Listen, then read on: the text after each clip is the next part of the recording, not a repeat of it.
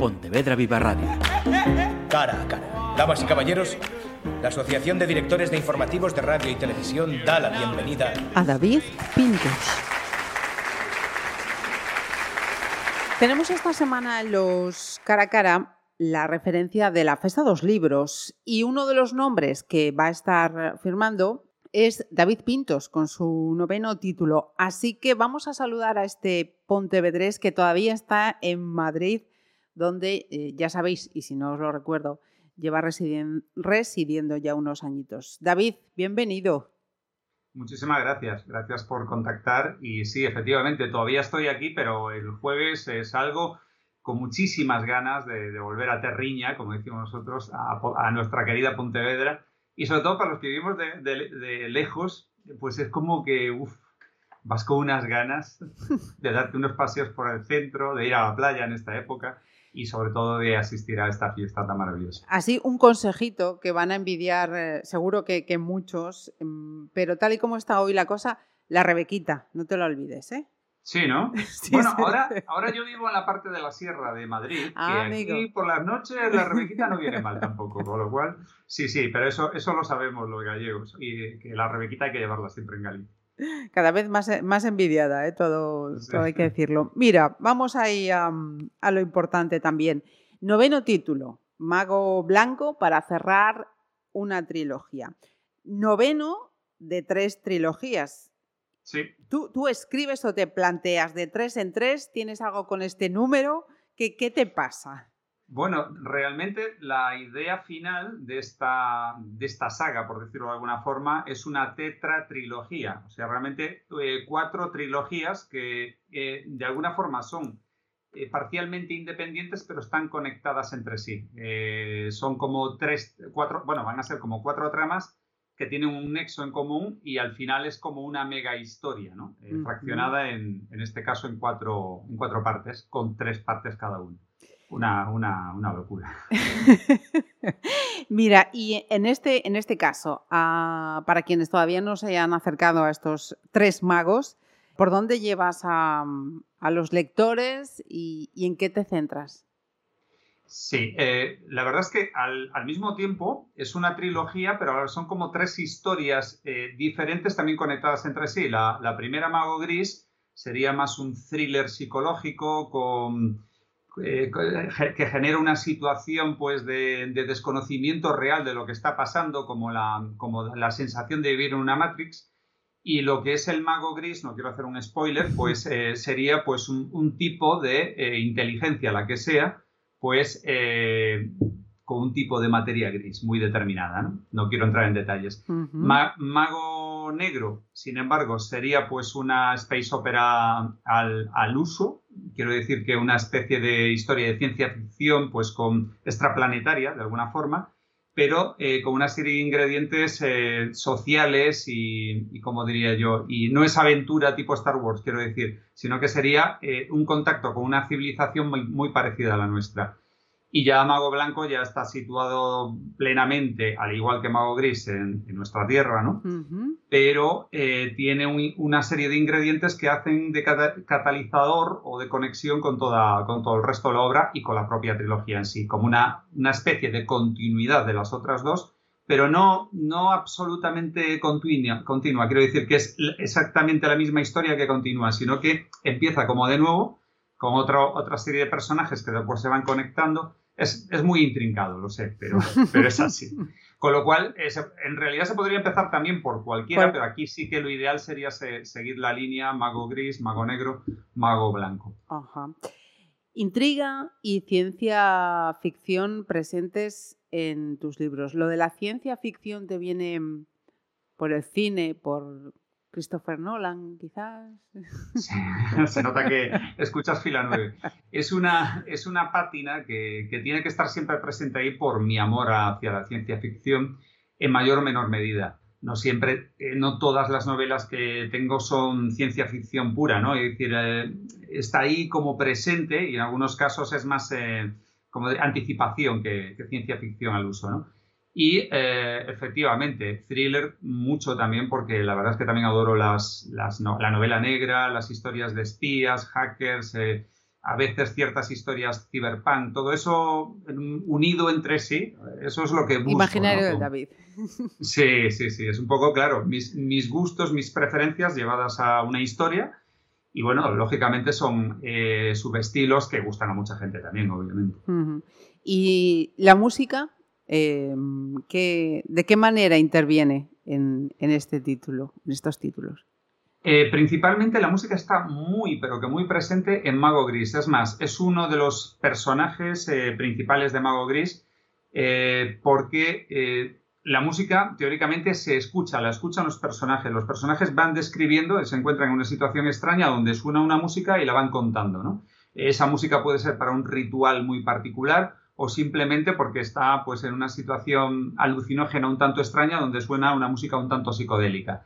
Entonces, esa música, eh, también para que, por si algún escritor, perdón, el lector quiere probar, ¿no? Eh, a, vivir eso. esto, leerlo y escucharlo. Pues hay una, una tracklist en, Spotify, pues para. Y al mismo tiempo, al principio de cada capítulo, pues va reseñada eh, y señalado, mejor dicho, pues la, música que suena en ese capítulo. Mm.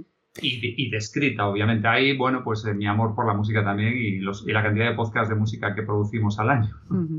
Para que luego digan que eh, la, literatura no, cambia, todo cambia en estos mm, tiempos eh, con la tecnología. Fijaros lo que acaba de decir. Em, estamos leyendo un libro y al mismo tiempo em, ya tenemos herramientas para escucharlo. ¿Quién iba a decir esto hace 20 años, no? Sí, sí, totalmente. ¿Por qué, no crear la banda sonora de un libro? Hoy en día, vamos, hoy en día con las herramientas que, tenemos. No es la primera vez que vemos a alguien en la playa leer un libro electrónico y tiene los auriculares puestos, con lo cual está escuchando música de fondo, que no está mal, ¿eh? Hay músicas eh, así relajantes o músicas muy suaves que se adecúan muy bien a, pues a una lectura en concreto, ¿no? Y en este caso, pues sí, se podría eh, poner esa banda sonora ya prediseñada por el autor.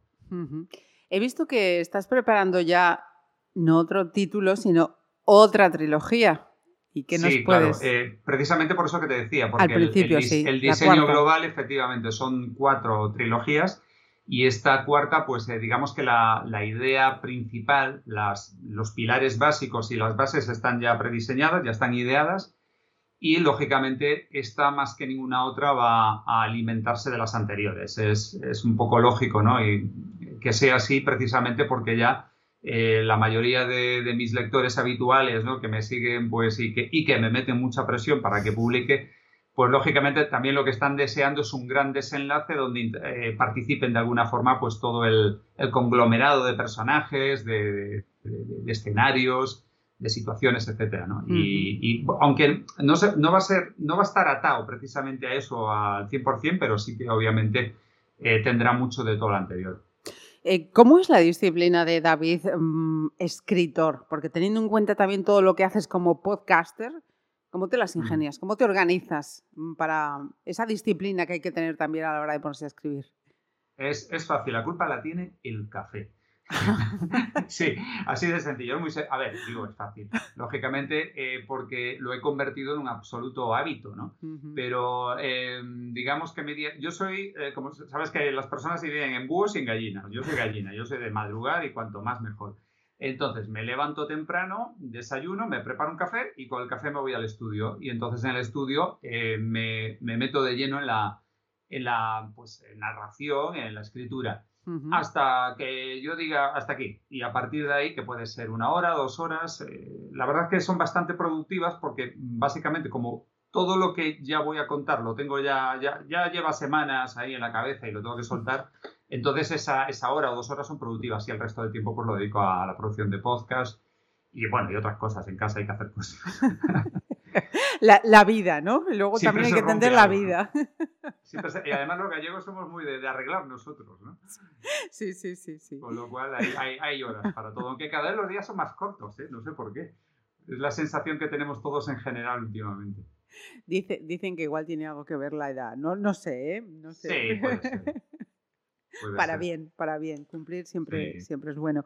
Mira, em, ¿qué día vas a estar firmando en Pontevedra? Cuéntanos. Pues voy a estar el próximo sábado, eh, hoy estamos, hoy estamos hablando a día 4, pues es el día 8, 8, ¿no? Sí, sábado, 8.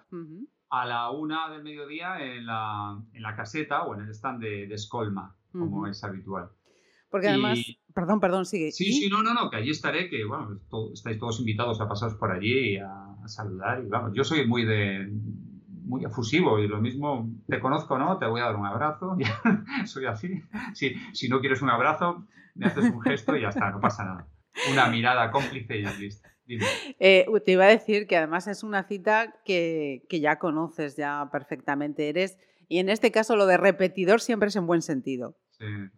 sí, sí, totalmente. Es una cita, yo creo que he estado en prácticamente todas. Eh, bueno, el año pasado no, porque el año pasado eh, me invitaron, pero eh, tenía muchos compromisos en verano y al mismo tiempo no, no podía presentar Mago Blanco como, como quería porque se, retrasó. Entonces, pues nada, les comenté que muchísimas gracias, pero que mejor el año que viene. Pero sí, sí, la verdad es que sí, es una experiencia fantástica. la fiesta está mm, muy bien organizada y además, eh, quizás sea por el, formato, no de caseta, sino de carpa. Bueno, el, marco es incomparable. La Plaza de la Herrería es que es una maravilla. Eh, el hecho de estar la carpa y que todo esté diáfano y conectado de alguna forma hace que, sea como más mágico, más especial, más, eh, más directo, ¿no? Con, con, el librero, con el escritor, con el público, con el lector.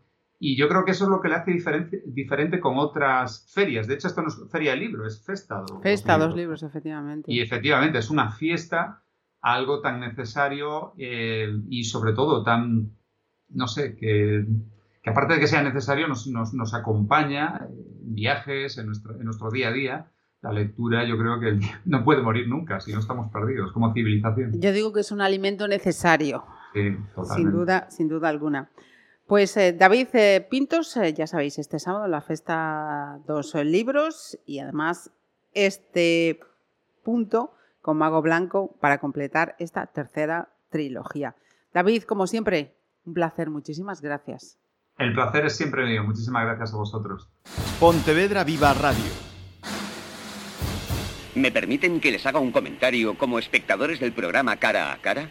Según un reciente sondeo de mercado, Ustedes disponen de estudios e inteligencias superiores a la media. Sus intereses abarcan desde la actualidad mundial y la ciencia hasta el deporte y los espectáculos.